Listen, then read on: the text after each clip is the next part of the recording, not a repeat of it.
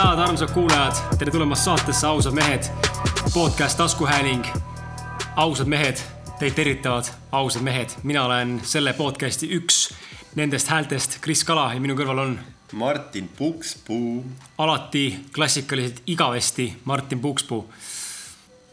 juhuslikult, kui sa satud olema inimene, kes saad, kuulab seda saadet esimest korda, siis tere tulemast käes on episood hashtag üheksateist. jah, me oleme teinud saadet varsti juba viis kuud. nii et sul on võimalus järgi kuulata kõik need eelnevad kaheksateist osa. saade Ausad mehed keskendub eelkõige sellele, et meist kõik saaks iseenda parem versioon läbi aususe, siiruse, otsekohesuse ja seda kõike tehes ilma filtrita. räägime elulistest asjadest, elulistest faktoritest ja kogemustest ning jagame enda isiklikke kogemusi võimalikult ausalt ja läbipaistvalt ja mõnikord teevad seda külalised. seda tänases saates küll külalisi ei ole. mis siis on? Lähme selle saatega siia sisse, et äh, juhul äh, ma tegelikult tahtsin seda ka öelda, et kui sa nüüd ei ole veel kuulnud meie eelmist saadet äh, Matchmaking Catliniga, siis mine kindlasti kuula, sellepärast et väga paljud tõepoolest väga paljud naised on meile kirjutanud personaalselt ja, ja ka Facebooki ausad mehe konto alla ja kiitnud seda saadet, et mul täna just töökaaslane äh, naiskolleeg siis kiitis seda saadet, ütles, et väga huvitav oli tal kuulata, kuidas naisterahvas äh, räägib siis sellistest äh, aktuaalsetest teemadest nagu suhted, seks ja, ja kogu see seksuaalne energia, et tema eelarvamused olid tegelikult üsna sellised skeptilised, arvas, et tuleb mingisugune blondiin, kes räägib seal oma seksuaalenergiast, kuidas seal liigutab oma tšakraid ja elurattaid. aga tegelikult ütles, et ta selgus üsna kiiresti, sai aru sellest, et tegelikult väga palju oli väärtust ja väga palju oli häid huvitavaid mõtteid Kätlinilt endalt ja, ja ka tänu sellele meie mehe, meestena siis olime võimelised lahkama neid teemasid, et väga huvitav ja analüüsiv ja, ja ütleme, mõtleja panev saade oli.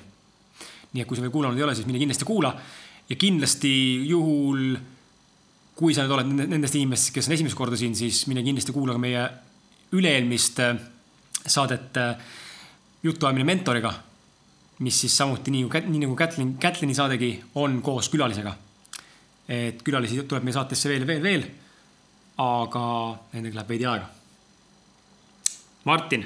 Martin. Martin, anname Martin. sulle. Martin. Martin. ei, Martin. ei, Martin. anname sulle siis sõna, et äh, mis uudist? mis uudist või? mis siin ikka uudist? kuidas sa eelmise saatega rahule jäid? väga rahule, väga sitt, rahule. mida? tegin, tegin nalja. e eelmises saates ma tundsin, ma olin täiega on fire. nagu selles mõttes, et mul jutt jooksis väga hästi ja just selline eneseväljenduse pool, ma arvan, et äh, võib-olla parim saade. selles mõttes minu poolt, minu eneseväljenduse poole pealt üldse mulle tundub, et need äh, külalistega need viimased kaks, noh, meil ongi ainult kaks saadet külalistega olnud, aga mõlemad saated on olnud äh, selles mõttes. see kuidagi paneb fookusesse rohkem. ja ta paneb fookusse rohkem, muidu me siin teeme loll-nalju, siis kuidagi teistega ei taha siukest. võib-olla sõltub saatekülalisest, kui siin oleks keegi, kes ja. on meiega samal lainel, mängib rolli siin, siis. tõesti. Aga muidu nagu ma tundsin ka, et Kätlini ja, ja Indrekuga mõlemaga siis kuidagi tõmbas hästi selliseks tõsiseks see teema aga mulle saade väga meeldis, mulle eriti sealt kuskilt poole pealt läks nagu ilusti käima kõik. et Kätlin sai ka väiksest ärinast lahti ja. alguses ikka värises korralikult. sai jah, nagu mõte, mõte jooksma, et, et siis sealt läks nagu väga huvitavaks ja endal oli huvitav kaasa mõelda ja sain ka enda jaoks mõningaid äh, uusi mõtteid ja, ja avastamisi ja taipamisi ja ei, väga, mulle meeldis. väga hea. jah väga hea. ja. mis veel uudist? mis veel uudist? mina olen nüüd äh, kuskil kolm nädalat olen tegelenud äh, sellise asjaga, nagu ma õpin äh,, kuidas Foreksi valuutaturul kaubelda. Et äh, üks äh, tuttav mulle seda asja tutvustas ja ma mäletan kunagi sina, Kris, ju ka tegelesid sellega ja sulle see ei, sobinud lõpuks, eks ju. aga ma hetkel olen sellest väga jah, väga vaimustuses ja, ja just sellest potentsiaalist, mis see võib anda, kui see, kui see oskus enda jaoks teha selgeks, sest et ilmselgelt äh, Foreksi valuutaturg ei kao siit mitte kuhugi niipea ja kui õppida teenima raha sellel turul, siis see on nii-öelda oskus, mille võib endaga ükskõik kuhu maailmasse kaasa võtta ja ja, ja vabadus on see, mida ma olen alati elus kõrgelt hinnanud. olla täielikult enda aja peremees ja, ja või teenida raha ükskõik, kus ma parasjagu maailmas viibin, nii et vaatame, kuidas mul läheb sellega. absoluutselt, viskame lipud üles ja hõiskame Martinile kaasa sellel teekonnal, et kui teil on, kurat, kohe hakkab huvitama ka, et kuulajad, kuulajad, kuulajad, millega te raha teenite lisaks palgatööle. jagage meie enda kogemust. ja, ja kui juhtub teist keegi olema kuulajatest keegi selline, kes äkki tegeleb väga pingsalt investeerimisega, siis ma tegelikult äh, ei näe, ei näe ka nagu probleemi, miks ei võiks tulla saatesse rääkida ausalt investeerimisest ja Muidugi. investeerimisplussidest, miinustest, riskidest ja ka šampanjadest. jah jah nii et kui tunned ennast ära praegu ja kuulsid, et äh, investeerimine ja ting-ting-tong-tong-tong läks piir põlema, siis äh, kirjuta kohe Facebooki ausad mehed või kirjuta emailile emotsionaalsed mehed, kus mitte keegi mitte kunagi ei vasta nii, aga ja, ja. mis veel uudist? mis veel uudist, muidu on nagu ikka, annan trenne ja ise teen trenni äh,. Jiu-Jitsu trennis ma hakkasin käima siin ka augusti alguses kui ma võib-olla ei ole seda maininud podcast'is. et õpin, kuidas inimesi väänata ja kägistada ja alistada liigeselukkudega. seda ma siin ka mõned aastad tagasi natuke tegin, aga siis jäi pooleli ja nüüd siis olen tagasi. et jah, ühesõnaga väga tegus on, tasapisi trenne tekib juurde. treeneri töö mulle endiselt väga meeldib, väga südamelähedane.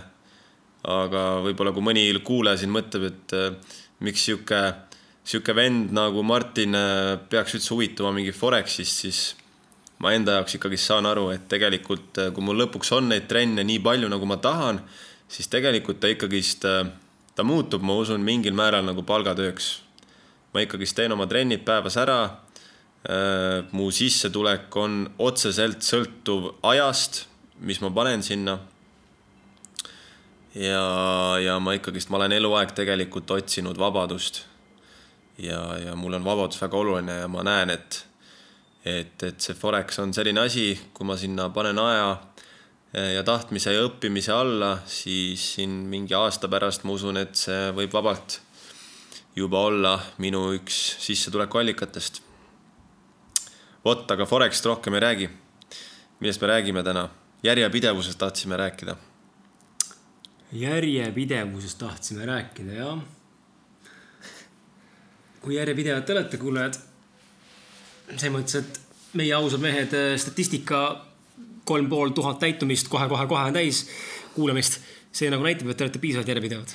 et äh, suur aitäh selle juures, tähendab või selle eest ja selle juures ka muidugi, aga, aga järjepidevusest jah.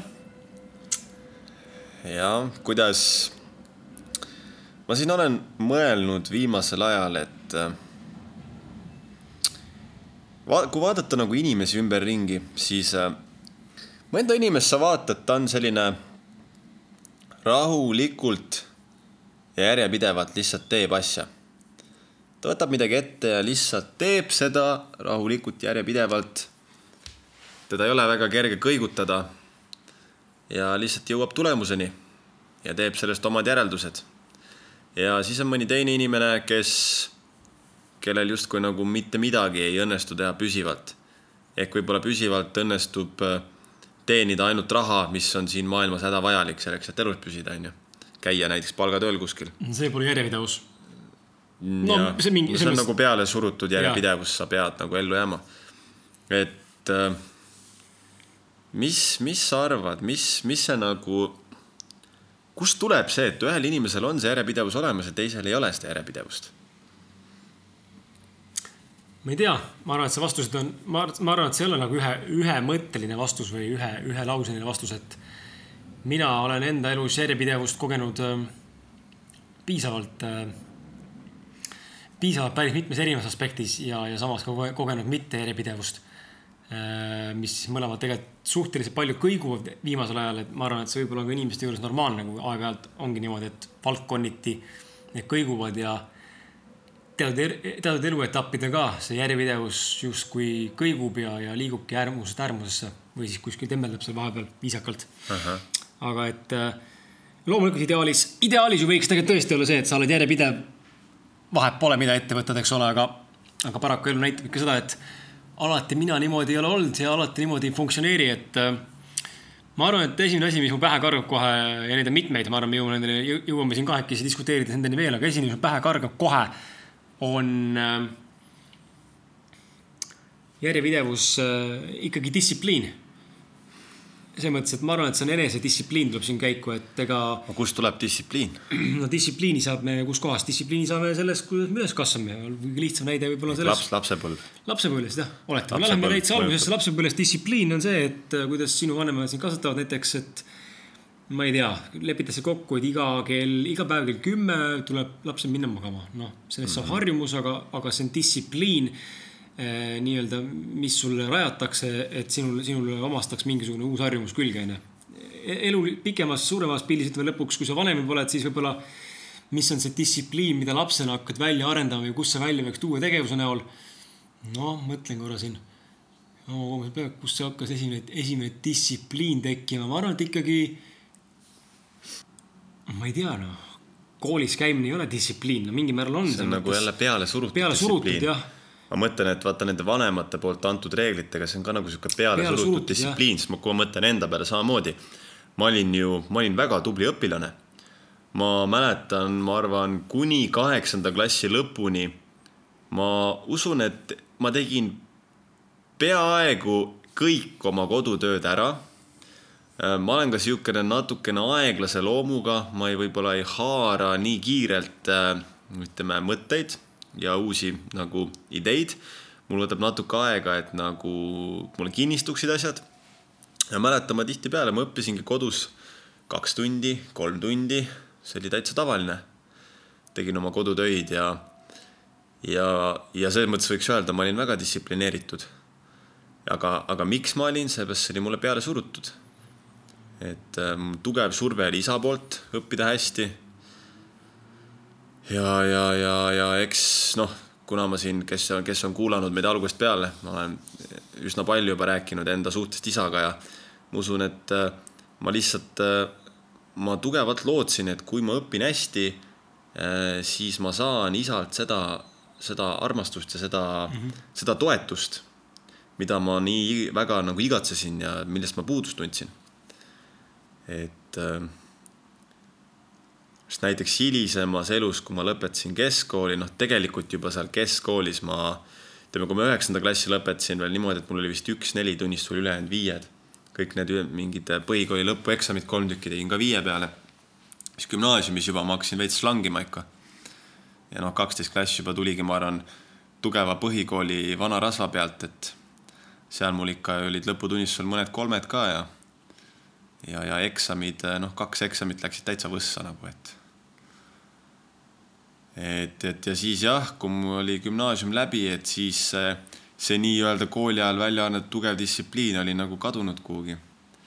et see nagu mulle vähemalt näitab seda, et ikkagi see peale surutud distsipliin ei ole see, mis jääb püsima. no aga siis. Äh, aga kust see, kust see siis tuleb? no siis enne distsipliini, kui me jõuame selleni, et peale surutud distsipliin ei ole see, mis meid distsiplineeriks, siis võib-olla distsipliin saab tekkida sellest, kui meil endal on tahtmine ehk siis tegelikult võib-olla tahtejõud. jah ehk siis järjepidevus saab alguse tegelikult millest, tahtejõust. aga kust tahtejõud tuleb? tahtejõud tuleb sinu sisemisest soovist teha midagi. mida on vaja selleks, et äh, okei okay,, oletame, oletame, mul on sisemine soov nüüd midagi teha, mul on sisemine soov kuhugi jõuda, näiteks mul on praegu sisemine soov äh, õppida Forex valuutaturul raha teenima. Mul on sisemine soov äh, saada väga heaks treeneriks mul on sisemine soov arendada enda füüsilised võimed väga kaugele mul on sisemine soov saada väga heaks äh, avalikuks esinejaks. no võtame selle trenni näite siis noh, kõige no. lihtsam, sest siin on sul olemas distsipliin ja, ja järjepidevus ja tegelikult oled ju viimaste aastatega näinud ka väga suurt arengut, kui sa ennast võrdled sellele, kes sa olid võib-olla siin noh, kolm-neli aastat tagasi. seega sul oli, sul tekkis huvi, sul tekkis äh, sisimas kirg või siis nagu põlev leek, soov kogeda mm -hmm. selle valdkonna nii-öelda vilju, onju, mhm. tulemusi näha ja sa hakkasid, äh, lõid endale distsipliini või siis järjepidevuse, ma ei tea, kas seda päris võrd-, võrdusmärgi alla neid panna ei saa. aga ütleme, lõid endale distsipliini, et sa lubasid endale, et sa oled distsiplineeritud ja tegutsed ning teed seda nui neljaks, onju. Millest lõpuks kasvas välja siis järjepidevus ehk järjepidev tegutsemine selle nimel ja nüüd tänaseks mm -hmm. lõikate seda vilju, ehk siis kas siis võime niimoodi öelda, et järjepidevus saab alguse mitte distsipliinist, vaid sellest sisemisest soovist, soovist või nagu põlevast kirest. kirg on ju. kirg muutuse järel, kirg nagu mingi valdkonna, võib-olla isegi mitte muutusega, tulemuse järel, vaid kirg nagu tegeleda millegagi, mis antud eluetapil tundub nagu põnev ja huvitav. ja arendada ennast. kütkestab. Mm -hmm. ei, ma olen täiesti nõus.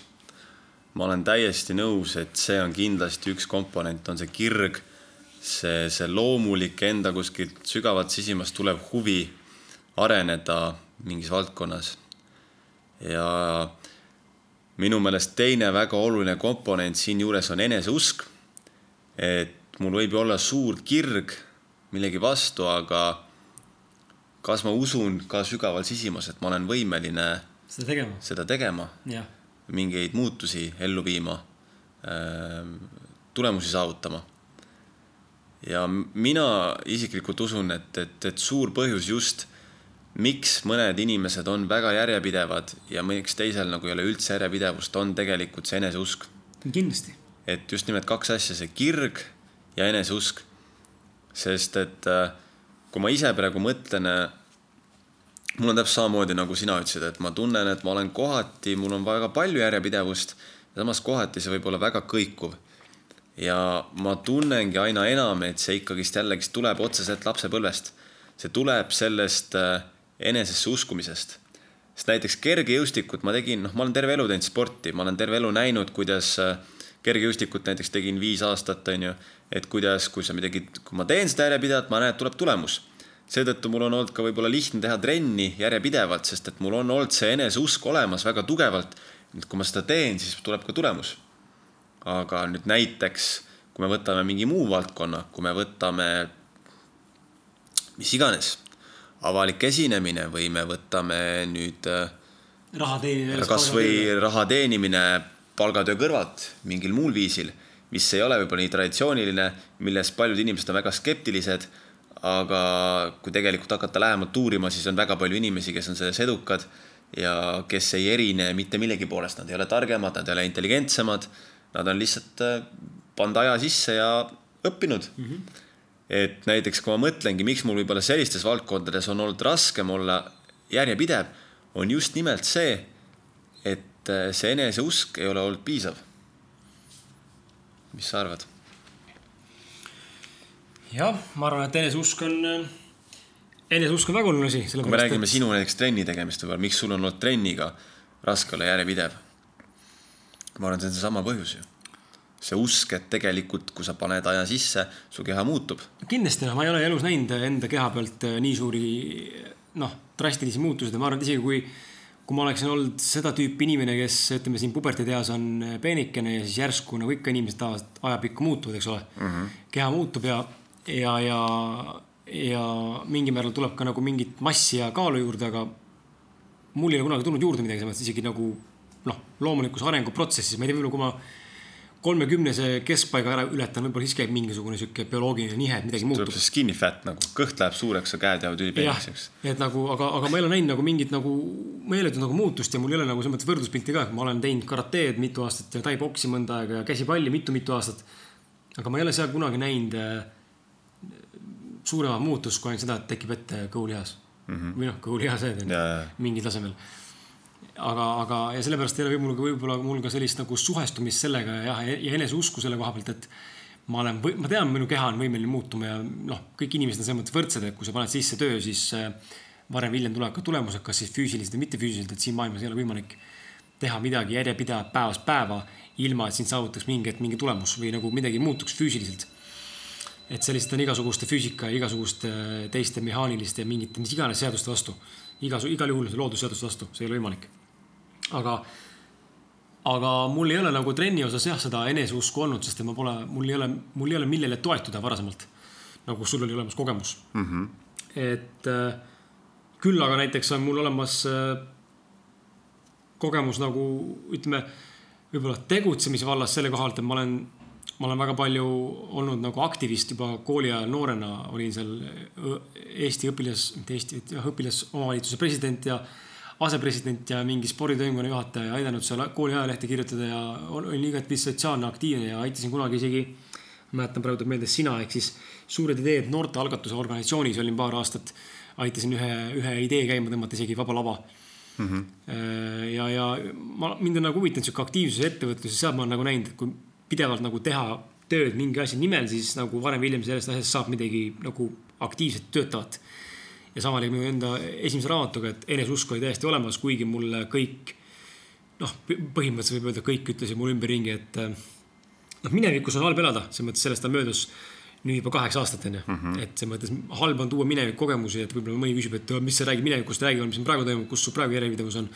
lihtsalt praegu, neid on ka, aga, aga me nendeni jõuame veel, aga praegu mul tuleb meelde, et see on nagu kõige parem näide endale alati tuletada meelde, kuivõrd kontaktis ma iseendaga olin tol hetkel et minus oli olemas nagu need, see külg, see eneseusk, et kui kõik ümberringi kahtlesid, siis minus oli teadmine, ma olin teinud õige valiku sellega, ma tulin koolist ära. ja minus ei olnud kordagi ühtegi tunnet või hirmutunnet või ebaõnnestumistunnet, et elu läheb nüüd perse selle pärast. ma ei tee maha kooli äh, ega kiida takka seda, et ma koolist ära tulin ja ei utsita kedagi tegema sama asja. Aga ma lihtsalt nägin, et see oli minu jaoks tol hetkel nagu hädavajalik otsus ja järjepidevalt päevast päeva seda raamatu kallal tööd tehes Äh, noh, kõik lõpuks nägid seda, et see raamat ilmus raamatupoodides üle Eesti onju ja oli tegelikult väga edukas ka isegi. Õnneks ja kahjuks. ja, ja teise raamatuga samamoodi. miks kahjuks? ei noh, kõnekäend sihuke õnneks ja kahjuks, selles mõttes kahjuks võib-olla, kui välja tuua kahjuks, siis kahjuks sellepärast, et nagu oleks saanud kirjutada paremini mm.. aga see on alati niimoodi, me alati vaatame enda elu ju mine, minevikule pilku heites alati saame öelda, et oleks saanud teha hmm. paremini mm. -hmm ja mis on ka loogiline, aga kuskilt peab alustama ja, ja teise raamatuga samamoodi ju alustasin kirjutamist Austraalias aasta kaks tuhat kolmteist talv. Sealsamas eh, farmis, kus ma kinga sain sinuga koos olles mm, -hmm. sealt ma alustasin kirjutamist, sest ma olin mega vihane. ja, ja välja tuli see aasta kaks tuhat kuusteist talv, noh, kolm mm -hmm. aastat läks aega, aga välja tuli mm. -hmm ja ma saan aru sellest, iga asjaga ongi erinev, iga asjaga ongi erinev teema, et kui sul on äh, mingi valdkond, mida sa saad teha võib-olla kolme kuuga niimoodi, et sul on märkimisväärne tulemus, siis palun väga, see on võimalik. aga mõne asjaga võtab see kauem aega, et ilmselgelt minul raamatu kirjutamine võtab kauem aega kui kolm kuud ja võib-olla aasta, et nende pikad projektid saaks ka kiiremini, ma arvan, kui ma oleks igapäevaselt selle juures sada protsenti, milleni me ka Martiniga jõuame tegelikult kohe-kohe varsti ka. mis vahe oleks huvitav siis, kui me teeksime midagi sada protsenti, onju. Mhm. aga minus on alati olnud eneseusk eh, tegutsemise suunas ja, ja ma arvan, et eneseusu võib-olla ka, ütleme võib-olla järjepidevuse kolmandaks, et kui esimene, mis me, mis me rääkisime, esimese, esimene järjepidevuse nagu võti, mis siis on olemas, on kirg, eks ole, kirja olemasolu. tõmbame selle uuesti nagu selle saate fookusesse. tuletame korra meelde, mis rääkinud oleme. et kirg on ju, kui sinus on põlev soov teha midagi eh,, sul on suur-suur huvi mingi valdkonna vastu, siis sul on olemas ka ütleme siis ambitsioon või südikus või energia tegutseda, on ju. ja millest võib kasvada välja distsipliin ja millest kasvab lõpuks välja siis järjepidevus ja järjepidev tegutsemine, mis võib-olla ongi distsipliin, onju, aga. ja teisalt, teisalt siis on te, see, sina teed välja eneseusu, onju. et eneseusk, mis on hästi oluline, kui sul see ikkagi on olemas, siis on väga lihtne tegutseda, sellepärast et sind ei huvita, mis keegi teine sinust arvab. sa tead, mis sa väärt oled, sa tead, milleks sa võimeline oled ja sa lihtsalt teed seda. sest tegelikult noh, reaalsus on see, et äh, noh, enne tahtsingi siin öelda, et järjepidevus on, et reaalsus on see, et mitte keegi sinu eest ju midagi ära ei tee. sada inimest võib sulle, terve maailm võib sulle öelda, et äh, Martin, sa ei saa hakkama selle Forexiga või Kris, et sa ei saa hakkama enda kehakaalutreeninguga või, või sinust ei saa kunagi seda või sa ei saa kunagi mhm. sellega hakkama või sa ei jõua mitte kunagi sinna. tegelikult see ei mängi mitte mingisugust rolli suures pikas pildis, kui sa suudad olla kõigest sellest sitast üle. ja, ja jääda endale kindlaks ja uskuda iseendasse nii palju, et sa tegutsed ja see väline keskkond loob tulemusi ja lõpuks hakkavadki inimesed sinusse uskuma, sest et ilmselgelt on see, et kui siis endasse ei usu, siis miks peaks keegi teised sinusse uskuma, onju. Mhm. ma arvan, et kõik saab alguse ikkagi meist endast, nagu öeldakse, maailma tahab muuta, siis alustada maailma muutumine saab alguse meist endast, onju. ja kolmandaks ma võib-olla tooksin välja siia praegu kargas pähe, lisaks kirele ja, ja eneseusule. ma arvan, et on ka, issand, mis see sõna nüüd oli, mul ei tule nüüd meelde, aga, aga ma arvan, et on ka see eh, tõestamine, tõestus mm. -hmm. ehk siis ikkagi tuleb praegu see, seesama valu, valu pain meelde, mida Andy, Andy ütles jah viimati et Andy Frisella, keda, kes veel ei kuula, ma ei tea, kas on tavaks tavaliselt podcast'e, teisi podcast'e reklaamid, aga mind absoluutselt ei huvita, see on lihtsalt klassika. see, see on väga väärt podcast, mida kuulata, et motherfucking CEO, MFCEO leiate SoundCloudist üles, iTunesis ka, et Andy viimases saates siin paar nädalat tagasi ilmus saade rääkis väga lühidalt, kuidas teda elus on motiveerinud see viha ja valu äh, tegutsema ja läbi lööma elus ja ma tunnen ka, et lisaks sellele, et mul see enesekindlus on olemas ja eneseteadlikkus, läheb eneseusk, onju raamatu kirjutamise ajal, ma mäletan, minus oli ka olemas see, see tõestus ja see soov nagu vihast tõestada inimestele, et te fucking eksite mm. -hmm. et kuidas sa fucking, kuidas sina türapea julged mulle öelda, et ma ei saa sellega hakkama, sina ei ole mina. sina ei ole mina, sa ei tea, milleks ma olen võimeline, sa ei tea, mis, sa ei tea, mis taseme või millise, ütleme, signatuuri pealt ma motiveeritud elus olen. jah, täiesti, täiesti nõus, ma kuulasin ka ära selle Andy Frisella osa ja ja täielikult resoneerus minuga. sest et no minul ju täpselt samamoodi, ma arvan, et valu on minu elus üheks suurimaks edasiviivaks jõuks tegelikult olnud. ja noh, samamoodi, kui me läheme nüüd tagasi sinna lapsepõlve näitesse onju, et äh, mina ju ka peale üheteistkümnendat klassi jätsin kooli pooleli, sellepärast et ma olin omale pähe võtnud, et äh, noh, ma lugesin juba erinevaid raamatuid selleks ajaks, ma suutsin läbi näha sellest et kool ei valmista meid tegelikult ette eluks. Äh, reaalseks eluks, et koolisüsteem on tegelikult loodi sellel ajal, kui tekkisid äh, meeletud vabrikud ja oli vaja töölisi, kes ei küsiks palju küsimusi, kes ei mõtleks kriitiliselt, kes oskaksid väga hästi täita juhiseid. robotid lihtsalt. koolisüsteem loodi sellel ajal, meie tänapäevane koolisüsteem ja tegelikult on see väga vähe muutunud. Äh, noh, siin Soome teeb suuri samme, kes veel Rootsi on teine, Taani saavad, kõik need Skandinaavia, Baltimaa riigid ja Skandinaavia riigid nagu teevad samme. ja, ja, ja koolist rääkides mul tuleb see ka meelde, et. mul kaob järg ära nüüd. mul jäi kuhugi, ma tahtsin edasi minna aga igastahes Eesti ei ole ju mingeid erilisi muutusi tegelikult läbi, läbi viinud ja, ja jah, juba noore poisina peale üheteistkümnendat klassi ma seda mõistsin. ma nägin, et, et et äh, ja ma teadsin, et ma ei ole sellist tüüpi inimene, kes äh, teeks palgatööd, kes äh, täidaks kellegi täies käsku, teeniks puhtalt kellelegi teisele raha, täitmata enda unistusi ja, ja siis ma üritasin võrgturunduses kätt proovida. ja mäletan sellest ajast, isa tegi mind kõvasti maha. ühesõnaga, isa ei toetanud mind absoluutselt. ja, ja ka hiljem, kui ma valisin, lõpetasin keskkooli ikkagist ära aga otsustasin ülikooli mitte minna, siis ju järjekordselt äh, heideti mulle seda ette ja ma arvan, mind ka nagu, kui me läheme nüüd sügava valu juurde, siis just see sügava tasandi valu motiveerib mind, see vajadus tõestada, et kurat, ma näitan sulle, et ma saan ilmaga hakkama ja ma saan ilmaga edukaks, onju. mis iseenesest ma arvan, et nagu nagu võib-olla ei ole kõige tervislikum viis, et elada nagu selle nimel, et ainult teistele kogu aeg tõestada. elus tuleks ikkagi, ma usun, asju teha selle järgi, et nagu sa ise oleksid õnnelik ja tõestada iseendale, sest tegelikult ainult, noh, ainuke inimene, kellega sa tegelikult ju terve elu võitled ja võistled, olen sinu enda peegelpilt. sina ise, aga, aga nagu ma tunnen, tunnistan ka, et jah, et mul viimasel ajal on seda vähem, eh, seda, seda viha ja seda tõestamist teistele, aga aga nooremana oli kindlasti see, mis mind äh, väga palju motiveeris tegutsema, et tõestada teistele, et nad fucking eksivad. aga see on huvitav, sest ma olen ise, ma olen ise ka alati mõelnud, et äh, ma olen alati nagu maha teinud seda, et kui keegi, kui kellelgi paistab välja, et ta teeb kõike selleks, et näidata teistele.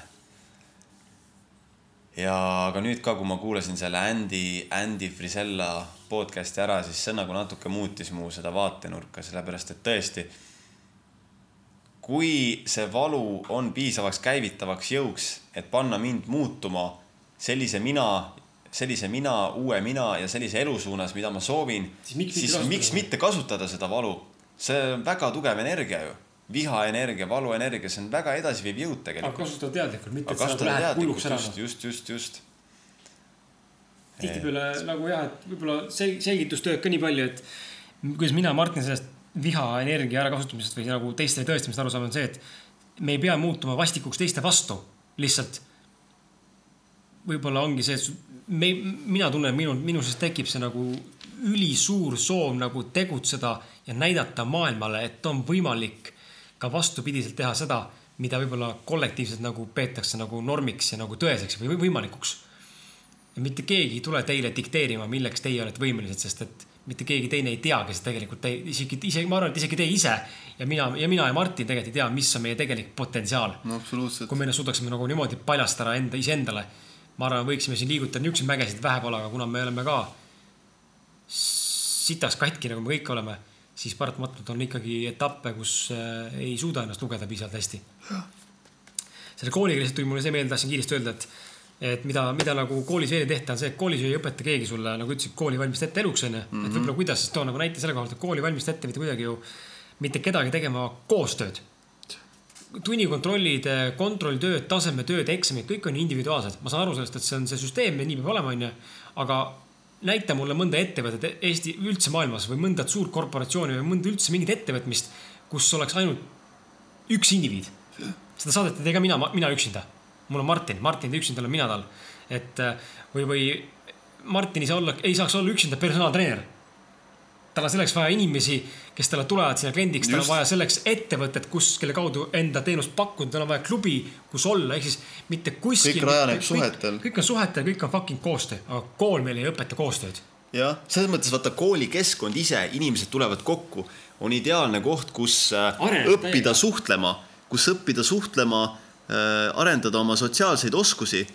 aga see, mis toimub klassiruumis, on ju, enamasti on ju väga konkureeriv.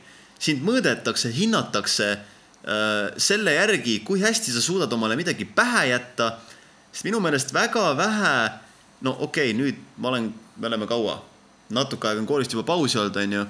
minul siin, ma ei tea, kuus aastat või, sinul äh, rohkem, on ju. et äh, võib-olla midagi on nüüdseks muutunud, aga väga vähe on ju seda, et meid õpetataks mõtlema loovalt, kriitiliselt, oma peaga. väga vähe on seda, et aktsepteeritakse erinevaid vaatenurki, isiklikke arvamusi. isiklikke arvamusi ja väga palju on seda, et sind surutakse raami, sulle õpetatakse, kuidas on õige, sa pead selle süsteemi järgi, mis sulle õpetatakse, lahendama, ülesandeid tegema, sa pead pähe jätma, sa pead meelde jätma ja sellest, kui hästi sa oskad järgi kopeerida seda, mida sulle õpetatakse ja kui hästi sa oskad omale pähe jätta, sellele vastavalt sulle pannakse hinne, onju. ja mida elu näitab? väga tihti need kolmepoisid on need, kes on suurettevõtete omanikud, kes äh, töötavad juhtivatel kohtadel. ja mida, millega nemad tegelesid kooli ajal? Nad käisid palju võib-olla pidudel, nad arendasid oma sotsiaalseid oskusi, nad hakkasid aru saama, kuidas toimub nii-öelda suhtlus inimeste vahel, kuidas inimesi mõjutada kuidas inimesi nii-öelda, inimestest tuua välja positiivsed küljed, kuidas neid ärgitada koostööle, kuidas inimesi inspireerida, kuidas neid juhtida. Ja, ja need on just nüüd ka tagantjärgi vaadates, kui ma vaatan inimesi enda ümber, need on need inimesed, kellel nagu juba läheb noorena suht hästi, kes on suht edukad ja, ja tihtipeale just need, kes on võib-olla olnud väga tublid õpilased, kes on suutnud väga hästi õppida pähe, kes on suutnud väga hästi meelde jätta. Need on need, kes töötavad nende ettevõtjate all, onju, kes äh, täidavad käsku ja kes võib-olla sisemiselt ei ole üldse nii, niivõrd rahulolevad. Mis ei ole ka vale, aga lihtsalt ei tasu nagu jah. et lihtsalt nagu...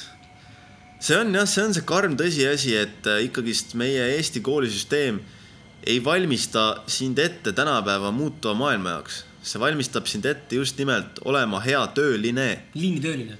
aga no samas võib-olla me siin oleme ka natukene tahame võimatut, et selles mõttes me inimesed oleme kõik erinevad ja paraku ju on ikkagist nii, et suur enamus inimesi ei, noh, see ongi nende soov. suur inimesi ei tahagi enamat. see ongi nad, see, nad, taha, nad tahavadki teha mingit tööd ja teha seda hästi ja selles ei ole, ma tahan ka öelda, et selles ei ole mitte midagi valet, selles ei ole mitte midagi valet, aga, aga ka need inimesed suudaksid oma tööd teha palju paremini, palju loovamalt, palju tulemusrikkamalt, kui meid õpetataks koolis mõtlema loovalt, raamidest väljas, iseseisvalt. ja, ja siis on ka see, et me oleme niivõrd individuaalsed ju. üks võib jõuda tulemuseni aastaga ja teine indiviid võib jõuda täpselt sama tulemuseni kahe aastaga, kolmas kolme aastaga, mis iganes. ja see ongi tegelikult äh, ideaalis võiks olla niimoodi, et me ei võrdle üksteisega. me lihtsalt käime oma rada, teeme oma asja. aa, okei okay,, sina saavutasid aastaga, no cool, ma olen oma rajal, naudin, mul läheb ilmselt kaks aastat, onju. Aga minu meelest jälle, mida ju koolisüsteem äh, teeb, et see, see õpetabki meid konkureerima üksteisega, see õpetabki meid võrdlema. see, kui sa, kui sina ei jõua oma kontrolltööd neljakümne viie minutiga valmis, siis sult võetakse käest ära ja sa saad kahe lihtsalt või kolme või mis iganes, palju sa teha jõudsid seal. kedagi ei huvita see, et sa oled individuaalne ja võib-olla kahe tunniga sa teeksid selle kontrolltöö samamoodi viie peale. Kõige parem näide, ma arvan, kui siin see kool praegu väga aktuaalse näitena on siin, siis kõige parem näide võib-olla kehaline kasvatustund, kus pannakse lõuatõmbeid ja kätekõvesid tegema inimene, kes on nagu teinud trenni, eks ole, käib seal umbes a la, ma ei tea, aktiivses jalgpallis või karates, kus iganes, teeb aktiivset füüsilist trenni, teeb seal rahulikult kakskümmend kätekat ja noorena onju ja siis paned, paned nüüd äh, siukse ehtsa, siukse nohiku, mitte üldse alustades, aga nohiku, kes tegelikult on igasugune nulli füüsiline nagu kontakt enda kehaga onju. Paned tegema kätekaid ja siis hinnatakse nagu seda sooritust kõige tugevama soorituse järgi mm. -hmm. aga need inimesed on erinevad. see on täiesti absurd, kui valesti neid hinnatakse, kuidas sa saad inimest peaks, nagu Martin ütleski, inimest peaks hindama individuaalselt, sest et me kõik oleme nii erinevad, me kõik oleme mingis asjas paremad, mingis asjas kehvemad. ja, ja mina arvan seda, et mul hakkab see nagu üha rohkem ja koha, rohkem ka kohale jõudma ka, et nagu Martin ütleski, et kulub sul siis aasta, kaks või kolm või viis või kümme, tegelikult ei ole suures pildis ju vahet. Eh, kui ma jõuan kolmekümneselt eh, või kolmekümne viieselt sinna, kuhu ma tahan jõuda, siis ka see on hästi. ma jõudsin sinna. mis vahet seal on, et mingi teine vend jõuab kolmekümneselt sinna? jah, vahet, seal ei ole mitte mingit vahet. kui me mõlemad oleme jõudnud selles samasse hetke, kus me oleme, siis mille üle me enam võrdleme, me oleme võrdsed siis selles, selles hetkes, me oleme mõlemad saavutanud selle, mida tahtsime saavutada, lihtsalt üks saavutas kiiremini. tore, aga, aga ma tegin ka ära selle. et ei tasu ennast muserdada nagu jah, sellepärast et teine nagu saavutab varem, sest et seal on väga palju muid nüansse ka, miks võib-olla teine saavutab parem, võib-olla tal on mingi soodustus on ju või soodumus või soodustus jah ja. ja.. või on mingi soodumus või, või on hoopis äh, mis iganes mingi suurem tugi juures või on mingi suurema, paremad võimalused või on tõesti noh, inimene on lihtsalt suurema kirega või no mis iganes see olla võib mm. -hmm. elu on paremad kaardid kätte andnud ja sündinud kuldusika suus ja no sada asja veel otsa veel onju, et inimesed on erinevad. aga see on, see on näiteks, kui tulla nüüd selle kehalise kasvatuse tunni juurde mina treenerina olen juba nii palju kuulnud seda erinevatelt äh, naisklientidelt, et äh, nende kehalise õpetaja lihtsalt rikkus nende jaoks ära spordi. Neil tekkiski täielik plokk äh, enese liigutamise ja spordi ees, sellepärast et kehalise kasvatuse õpetaja oli lihtsalt mingi kibestunud naine, mingi kibestunud vanamoor, noh, kes karjus, tutistas äh, ja täielikult nagu ma ei tea, rikkus ära nende jaoks selle, selle eneseliigutamise harjumuse. ja, ja ma, ma, ma tean isegi, ma mäletan isegi äh, ühes koolis, kus ma siis käisin, kuidas äh, naisõpetaja oligi ka täpselt samasugune kibestunud naine ja nagu see, see, sellest on nii kahju ma arvan, paljud õpetajad ei anna endale aru tegelikult, kui suureks mõjutajaks nad on, nad on noortele. ja see on äh, jah, see on. Äh, ja siis teisalt on õpetajad, kes on äh, mega inspireerivad ja, ja, ja, ja, ja teevad jällegist väga suure heateo noortele. et jah, ma arvan, õpetaja amet on väga, väga nagu, kuigi ta võib-olla ei ole nii tasuv, aga ta on äh, väga suure vasta-, vastutus nii-öelda, väga vastutusrikas amet. sest et sa võid jah, sa võid noore inimese elukäiku väga tugevalt mõjutada selle, sellega, milline sa ise oled, milline sa õpetajana oled. jah. tundub, me läksime järjepidevuse nime pealt äh, kooli peale. kuidagi sujuvalt läks kooli peale. koolisaade hoopis hakkas peale, et, et, et ähm, ma võib-olla suunaksin meid sinna tagasi järjepidevuse juurde, et siin ehtne näide just nagu viimase kogemuse pealt. siin täna just rääkisin Martiniga saadet juttu ja proovisin toastasin käte peal seista ja minu puhul, nagu ma näen enda puhul nüüd, kuidas ongi huvitav, see pani nagu mõtlema, tekkis selline mm, filosofeeriv mõte paralleelina nagu tõmmates, tõmmates selle paralleeljoon siis käte peal seisu ja elus tegutsemise juures, et ma olen nüüd võib-olla pool aastat käte peal harjutanud seismist ja, ja pool aastat täpsustusena siis mitte niimoodi, et ma nüüd iga päev pool aastat kaheksa tundi üritan käte peal seista, mis polegi üldse reaalne, onju, aga vaid pigem on see, et ma niimoodi mänguliselt ütleme päevas kakskümmend korda, võib-olla, võib-olla kümme-viisteist korda nagu seisan vahepeal. mängin lihtsalt ja see seismine võib olla viis sekundit kuni nelikümmend sekundit või kuni kolmkümmend sekundit, kuni kakskümmend sekundit, mis iganes, onju. ja ma lihtsalt proovin seista ja tunnetan enda keha ja niimoodi läheb, onju. ma nagu ei tee otseselt nagu käte peal seisu mingit trenni.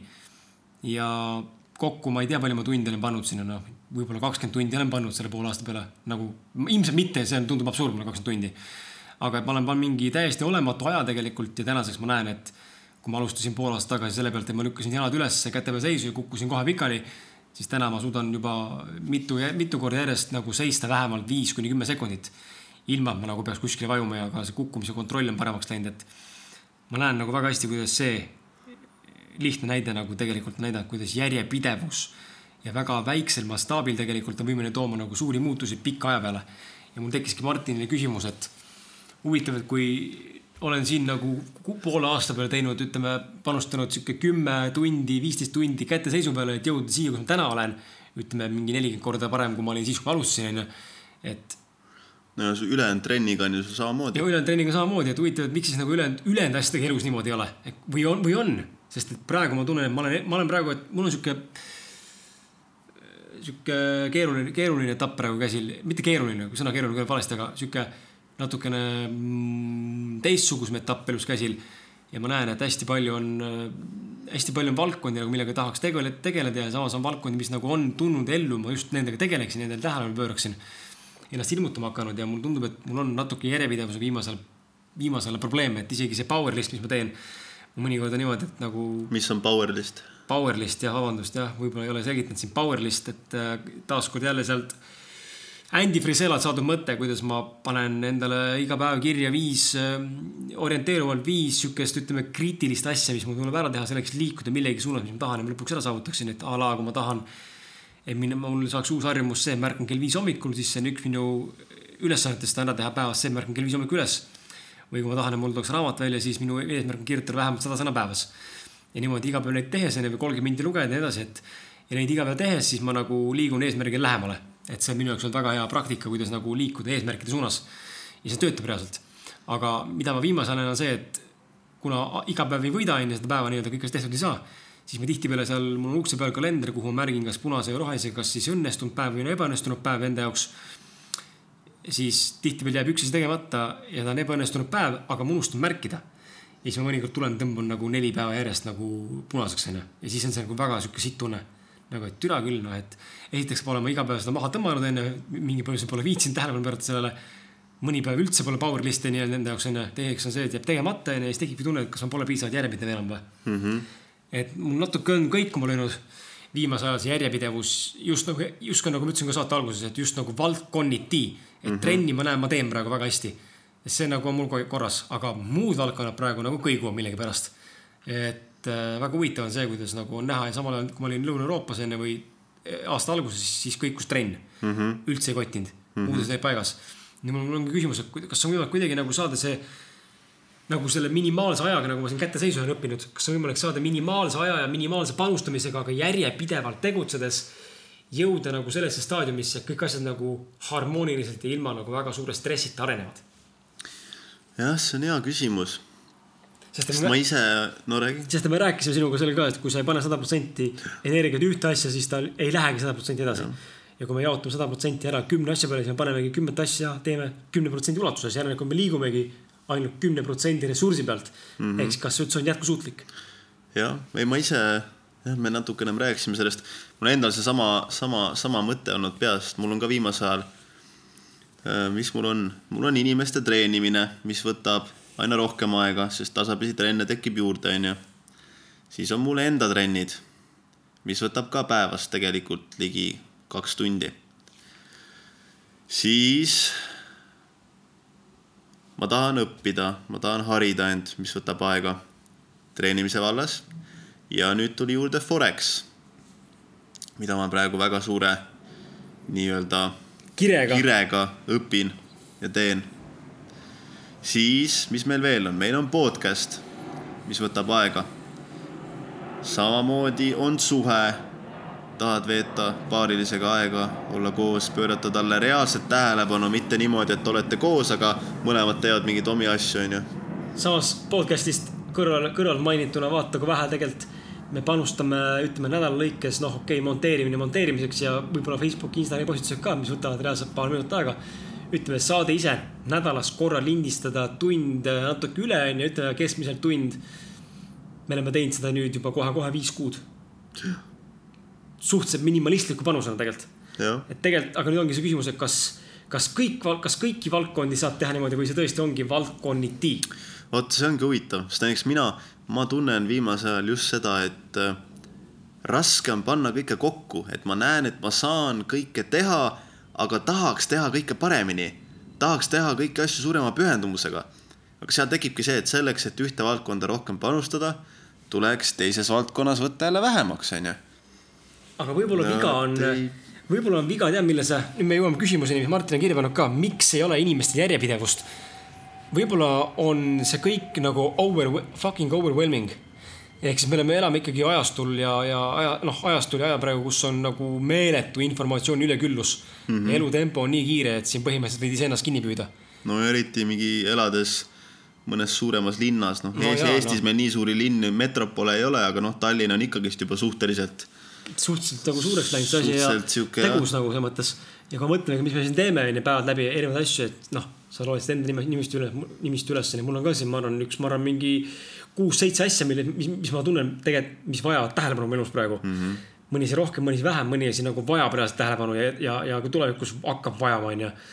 aga, aga samal ajal võib-olla ongi probleem, mis järjepidevuses on või järjepidevuse, pidevuse puudumises võib-olla on probleem selles, et äh, äkki nagu, sa ütlesid hea lause just, mis, mis mul nagu lõi pirni põlema, et me kip-, me üritame mahutada väga palju nagu üli tight schedule mm. -hmm. nagu, et kõik mahuks ära, me teeme täna, täna on see päev, kus ma teen kõik, kõiki asju teen korraga. aga võib-olla me peaksime välja mõtlema endale, ütleme nädala lõikes tegevuskava, nii nagu sa oled teinud mulle treeningkava et üks päev jalad, teine päev Just. käed, ehk siis et üks saaks... päev tegelen ühe asjaga, teine päev tegelen teise asjaga. või kaks asja päevas korraga, et sa ei ja. võta nagu üle mingi nelja asja korraga, ma näen näiteks, kui mul on, ma toon nagu näite enda pealt jälle. Hea näide tuua, kui võtan lahti enda selle Powerlisti päeviku, mul on tavaliselt kirjas selle kolmkümmend minti lugeda eh,, kirjutada viissada sõna eh, seal on vaja trenni teha neli korda, neli korda nädalas onju, ehk siis neli päeva nädalas, mul on trenn kindlasti kirjas seal. siis seal võib olla kirjas mingi näiteks ettevõtte tegemise asjad võib-olla või midagi muud veel onju ja ma suht tihti näen, et ma lihtsalt ei jõua neid kõiki asju tehtud nagu päevas nagu tundub, et hommik hakkab pihta mm. -hmm. tempo on hea nagu oi, nii palju aega, ma jõuan ilusti, aga päeva lõpuks ma näen, et türa, ma lihtsalt ei jõua. mingisugused vahetegevused võtavad nii palju aega ära, söögi tegemine. mingid distraction'id. mingisugused siuksed asjad minu meelest ka, mis nagu ühest kohast teise liikumine, okei okay,, sa oled kodus seal maal, siis sul sellele ei lähe aega, aga näiteks linnas nagu kasvõi ühest kohast teise transport. see võtab väga palju aega. meeletult võtab aega ja, ja no ja mul tekibki mõte küsimus, et aga mis siis, kui võtta nagu eksperiment ja teha nagu katse sinuga, Martin. Eh, siin avalikult praegu saate kuulajatele öelda, võib-olla, võib-olla tehagi eksperiment, et võtta ka teid kampa ja mõelge meiega kaasa praegu, et võib-olla võtta eksperiment jaotada, kirjutada välja endale asjad, millega sa nagu igapäevaselt tegeled nii-öelda, eks ole, mis need asjad, mis su elus praegu on, aktiivsed valdkonnad. ja nüüd välja mõelda mingi süsteem, kuidas nagu a la esmaspäevast pühapäevani iga päev kaks asja ja hakkad neid vahetama ja üritadki olla nagu, nagu sa ütlesid, mida ma olen viimasel ajal tähele pannud väga hästi, mis tegelikult aitab, mis mind aitas tegelikult siis, kui ma olin sotsiaalmeediast eemal. Oli see, ma nägin seda, et kui ma olen võimeline keskenduma ja olema nagu full focused ühele asjale siis see ole, siis ma olen nagu, kui ma olen nagu kohal ja. selle tegevuse ajal, siis ei ole mingit raskust midagi kaasa teha, aga nii kui mul on muud distraction'id, olgu selleks siis nutitelefon, notification'i hääled, muud mõtted peas, ees olevad juba tegemised, nagu Indrek ütles meile ka saates. me mõtleme, me alustame tegevust, aga me mõtleme juba järgnevatele või isegi järgmise päeva tegemistele. mis tegelikult täiesti absurd, me tegelikult ei ole üldse kohalgi, järelikult me ei pane ka sada protsenti panust sisse tegevusse. Sest et kui ma lähen täna, lähen täna tegema trenni, onju siis samal ajal ma mõtlen kogu aeg selle peale, mitte palju ma teen seeria või palju ma keskendun lihase aktiivsusele või lihase liigutamisele. vaid mõtlen selle peale, huvitav, kas ma homme saan oma naise keppi või mitte või umbes huvitav, kas mul hommikul on sitahäda või ei ole või kuidas homme rong sõidab või mis ilm on ja, ja ma ei ole kohal. järelikult, järelikult ma ei panusta ka mitte füüsiliselt, vaid ka vaimselt sada protsenti sellesse tegemisse, järelikult ei ole ka tulemus sada protsenti tulemas. ehk siis võib-olla on vaja proovida seda, et me ikkagi mõtleme välja endale nagu süsteemi. lihtsustamine on ju. lihtsustamine jah, et sul võib powerlist olla, aga, aga tee siis nagu kaks kriitilist asja ja, ja päevas korraga nagu, et ära võta siis võib-olla. täiesti nõus. noh, sul võib olla viis-kuus asja kirjas seal, aga võta nagu kaks suurt asja, et täna õpid Forexit ja täna teed trenni. kõik. jah, see on hea mõte, see on selles mõttes väga sest ma olen alati, alati, kui mul jõuan elus mingisse punkti, kus tundub, et on liiga palju korraga siis alati ma jõuan selle sama, sama järelduseni enda jaoks, et simplify. tee lihtsamaks asjad. võta rahulikumalt. pane ühte asja korraga energia. sest et selge on see, et see lause, et kes teeb, see jõuab. ma ise olen näinud oma elus nooremana ja noh, siin nüüd nagu mõned aastad tagasi ka, et see ongi niimoodi, et kui sa, mida paremini nagu inglise keeles on sihuke lause, et if you plan to fail, you fail to plan. Ehk siis, kui sa, kui sa ebaõnnestud planeerimises, siis sa tegelikult planeerid ebaõnnestumist. Ja ma arvan, et see overwhelming ja selline nagu ülekülvatuse tunne sellest, et mul on liiga palju asju elus käsil, mis mitte kunagi, ma arvan, ei ole tõsi, et sul liiga palju asju käsil, ma arvan, asi on selles, et see on sitt planeeritus või planeeritavus ja ühtlasi on see, et sul ei ole piisavalt järjepidevust, sellepärast et sul ongi, sul ongi segadus mm. -hmm. aga kui sa planeerid ennast piisavalt, oma aega piisavalt, siis ma arvan, et sa võimeline väga palju asju tegelikult tegema ja saavutama, sest kui sa vaatad edukaid inimesi, siis on sihuke tunne, et nad tulevad kogu aeg. kellel tuleb raamat välja, kes annab siin kohe filmi välja, onju, kes annab siin, teeb siin mingi ime transformation'ide füüsilise kehaga, saavutab toda kolmandat, käib seal saates, käib seal riigieetris, kus raadios asjades nagu inimesed jõuavad juhib no sitaks kolme firmat, jah, et jõuavad sitaks teha. pere, lapsed. pere, lapsed onju, viis last onju, kuradi kolm naist, kümme koera onju. No, see on planeeritavus võib-olla. ei kindlasti.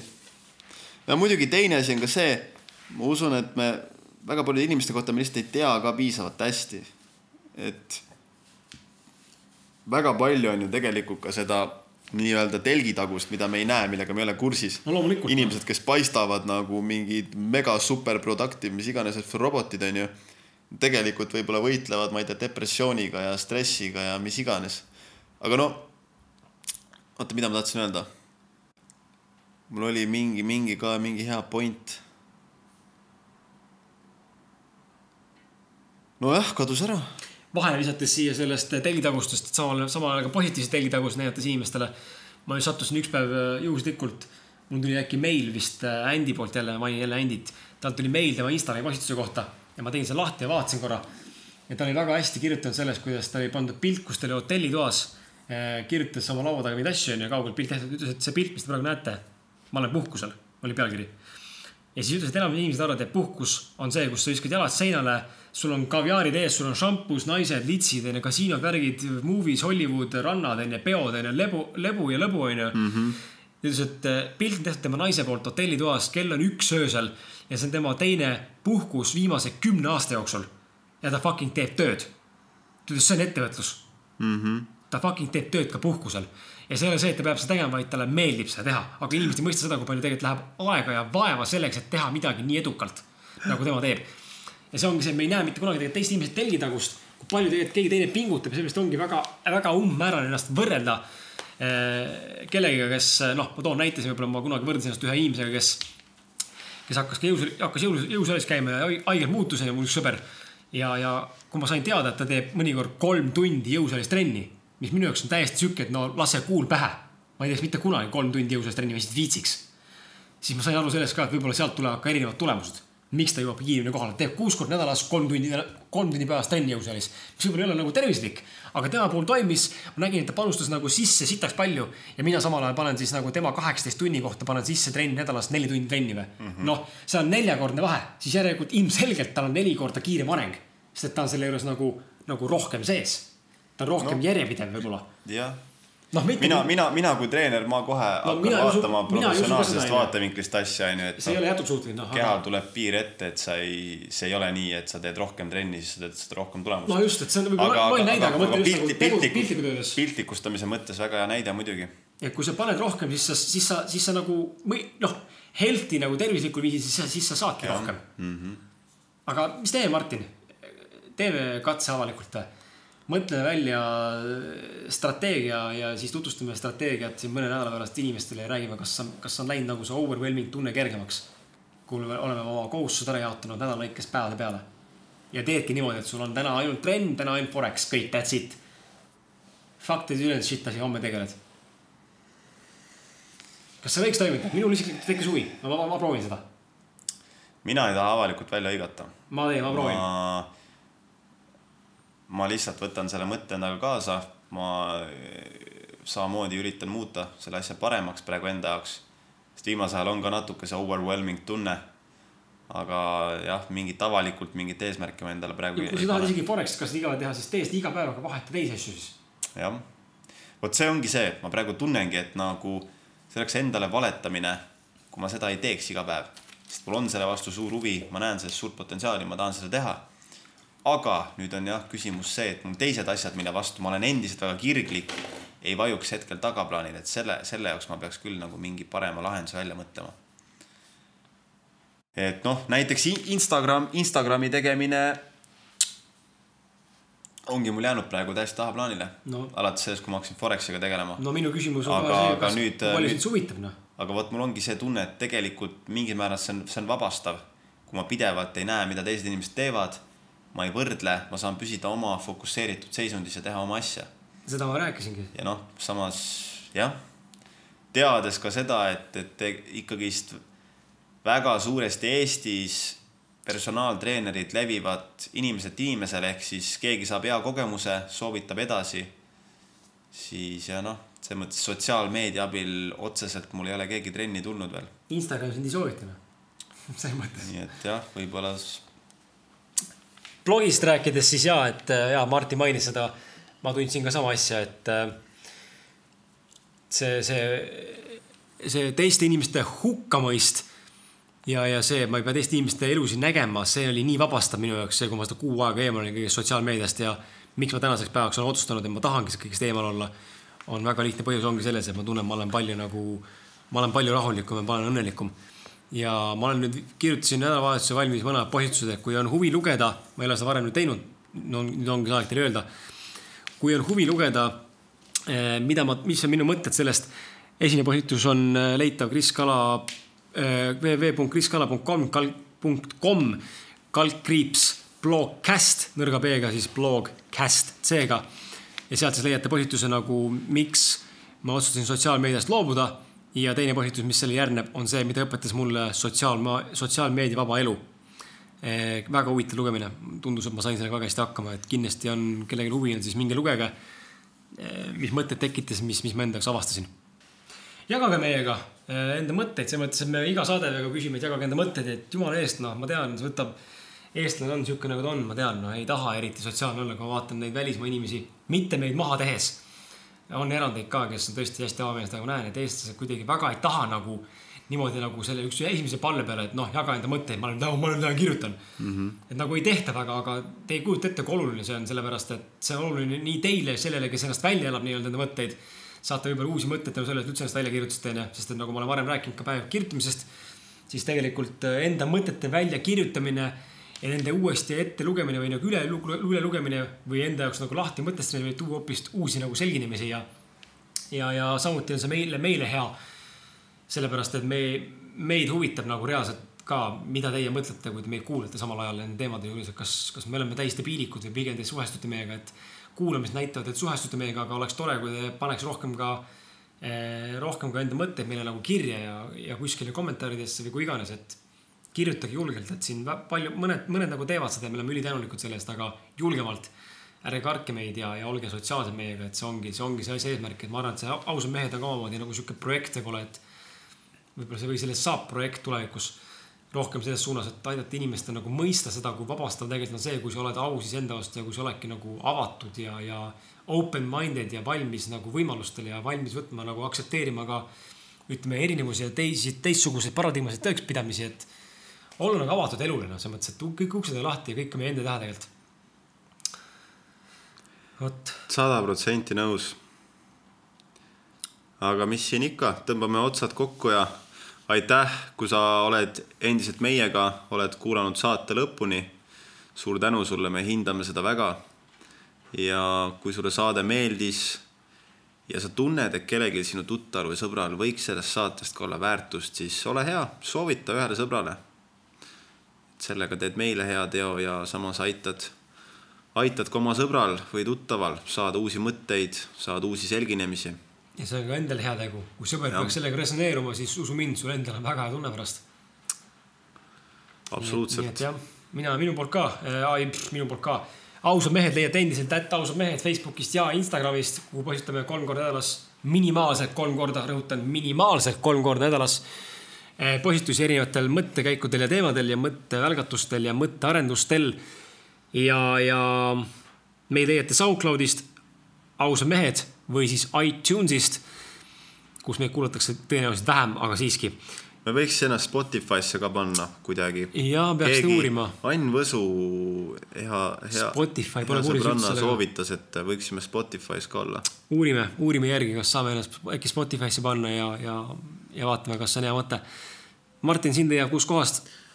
no Instagramis täht Martin Pukspuu, aga ma ei oska praegu lubada. ma olin seal üsna järjepidev aga nüüd ma siin ei ole väga olnud ja ma tõesti ei oska lubada, mul on ka natukene siukene,